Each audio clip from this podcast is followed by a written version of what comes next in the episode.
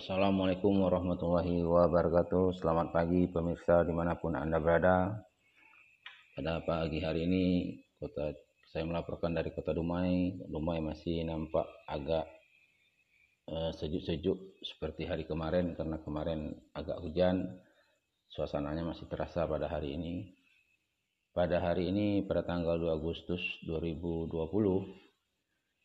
uh, Hari Minggu saya coba akan membahas masalah sepak bola yaitu sistem pertahanan yang ada yang kenal dengan man to man marking and zona marking.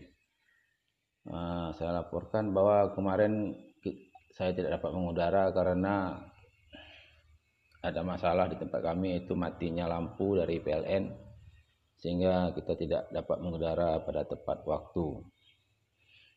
Bapak-bapak, saudara-saudara, para pemirsa di mana pun Anda berada, sepak bola adalah suatu olahraga yang begitu populer dan banyak penggemarnya di mana-mana dan selalu menjadi berita hangat untuk dibicarakan baik di kalangan anak-anak remaja, orang-orang dewasa maupun orang-orang yang sudah tua sekalipun.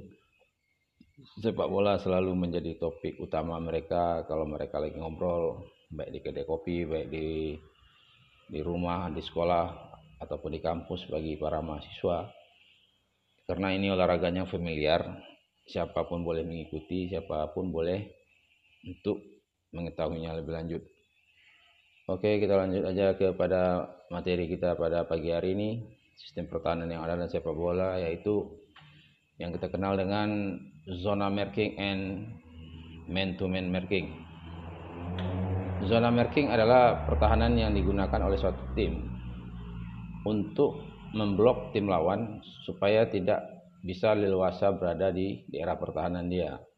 Bola boleh boleh saja berpindah dari kaki ke kaki daripada pihak lawan, tetapi dia tidak bisa masuk ke dalam pertahanan tim mereka sendiri, tim mereka sehingga pihak lawan hanya bisa berkotak-katik di tengah atau kembali ke pertahanan mereka sendiri.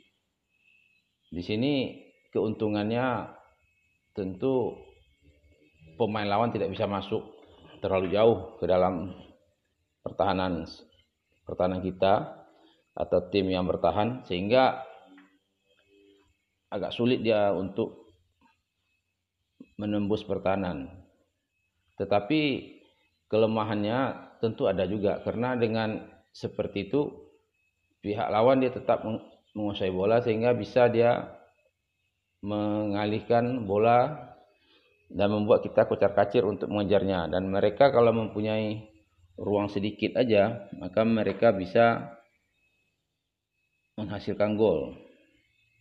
Di situ pula kelemahan daripada uh, dari zona marking ini. Zona marking ini hanya bisa digunakan kalau bola itu agak jauh sedikit dari gawang kita. Kalau dia udah mendekat, zona marking ini tidak bisa lagi kita gunakan karena pihak lawan dia udah bisa mengancam uh, atau membuat tembakan kepada tim kita sehingga tim kita akan kebobolan.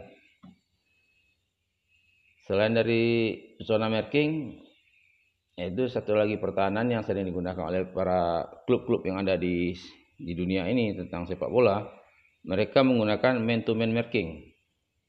Man-to-man marking ini adalah bagaimana suatu pihak satu klub bertahan dengan menjaga satu orang satu pemain. Jadi setiap pemain lawan itu sudah dipresur dari awal sehingga dia tidak mempunyai kesempatan untuk mengembangkan atau memproposisi diri dia sendiri untuk undar. Jadi di sini pihak lawan itu betul-betul ditekan dari awal sehingga dia tidak bisa mengembangkan permainan dia sampai ke pertahanan pihak yang bertahan. Dalam pertahanan ini yang jadi masalah tentu butuh stamina atau tenaga yang agak lebih karena dia tetap bergerak ke mana pun pihak lawan berada dia tidak bisa hanya menunggu posisi dia gitu nah, di sini pula uh, yang harus diperhatikan. Bagi pihak yang bertahan, kelemahan dia tetap ada juga. Kalau dia hanya terpaku kepada satu pemain, sehingga pemain yang mempunyai skill yang agak bagus, dia bisa untuk menerobos pemain kalau hanya dikawal satu orang. Ada pemain kalau zaman sekarang ini seperti si apa namanya itu? Si Lionel Messi, si R7. Dia tuh kalau bagi dia dua tiga pemain itu tidak terlalu sulit bagi dia untuk melewati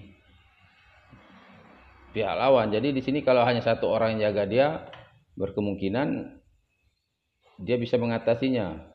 Tapi kalau dengan zona marking mungkin dia bisa melewati satu pemain, maka pemain lain siap untuk membackup. Nah, di, di sinilah kita harus perhatikan bahwa setiap yang kita buat itu ada kelebihan dan ada kekurangannya.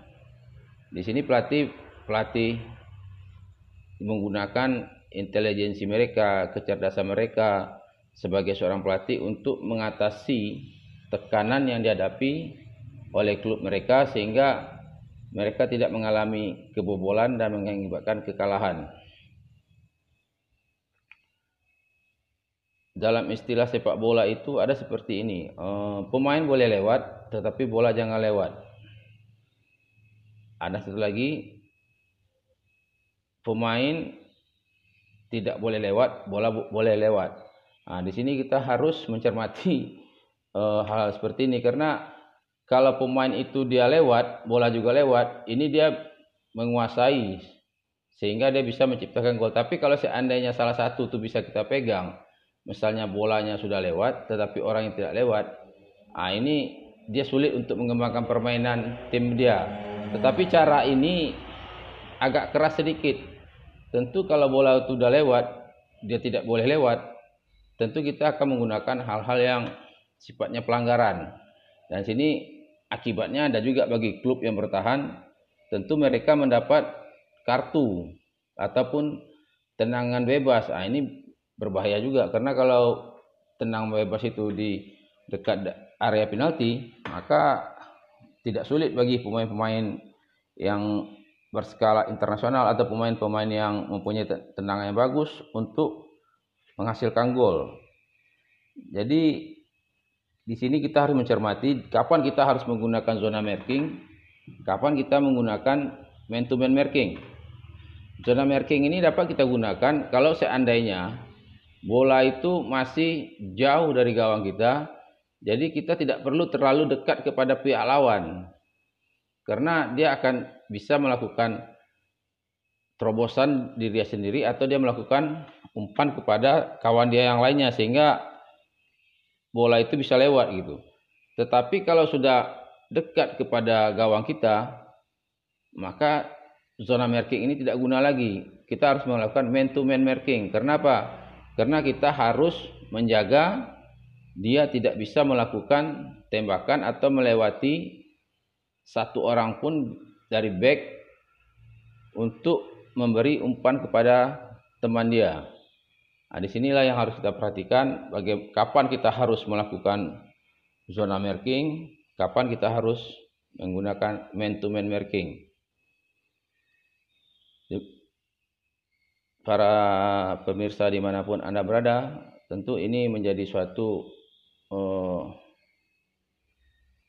pelajaran juga bagi pelatih-pelatih karena pelatih di sinilah ada kejeliannya, di sinilah dia yang dibayar mahal oleh klub-klub karena pelatih ini dia dia menjual strategi otak dia yang bermain untuk mengatasi tekanan-tekanan yang dihadapi oleh klub dia sehingga dia bisa meraih kemenangan. Demikianlah yang dapat saya sampaikan pada pagi hari ini. Uh, saya mohon maaf hari kemarin saya tidak dapat hadir karena ada masalah yaitu matinya lampu daripada pihak PLN pada hari ini kita dapat lagi mengudara seperti biasanya eh, sehingga kita bisa berinteraksi lagi dengan para pemirsa di mana pun Anda berada. Mudah-mudahan insya Allah besok kita seperti biasa kita akan melakukan eh, ngobrol-ngobrol mungkin dengan tema atau hal yang lain hal-hal yang lain yang bisa menambah wawasan serta cara pikir, cara pandang kita ke depan uh, untuk menghadapi uh, bermacam problem dalam kehidupan.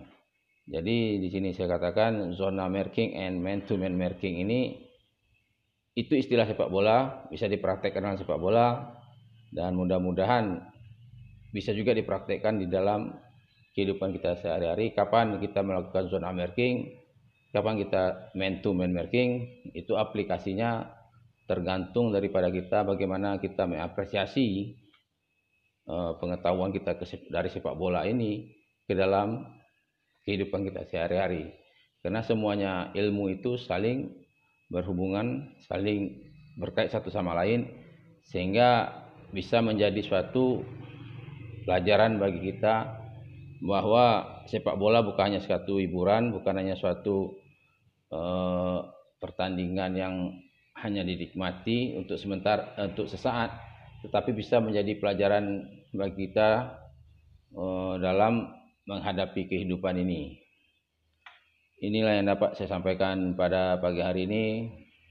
Akhirul kalam. Assalamualaikum warahmatullahi wabarakatuh.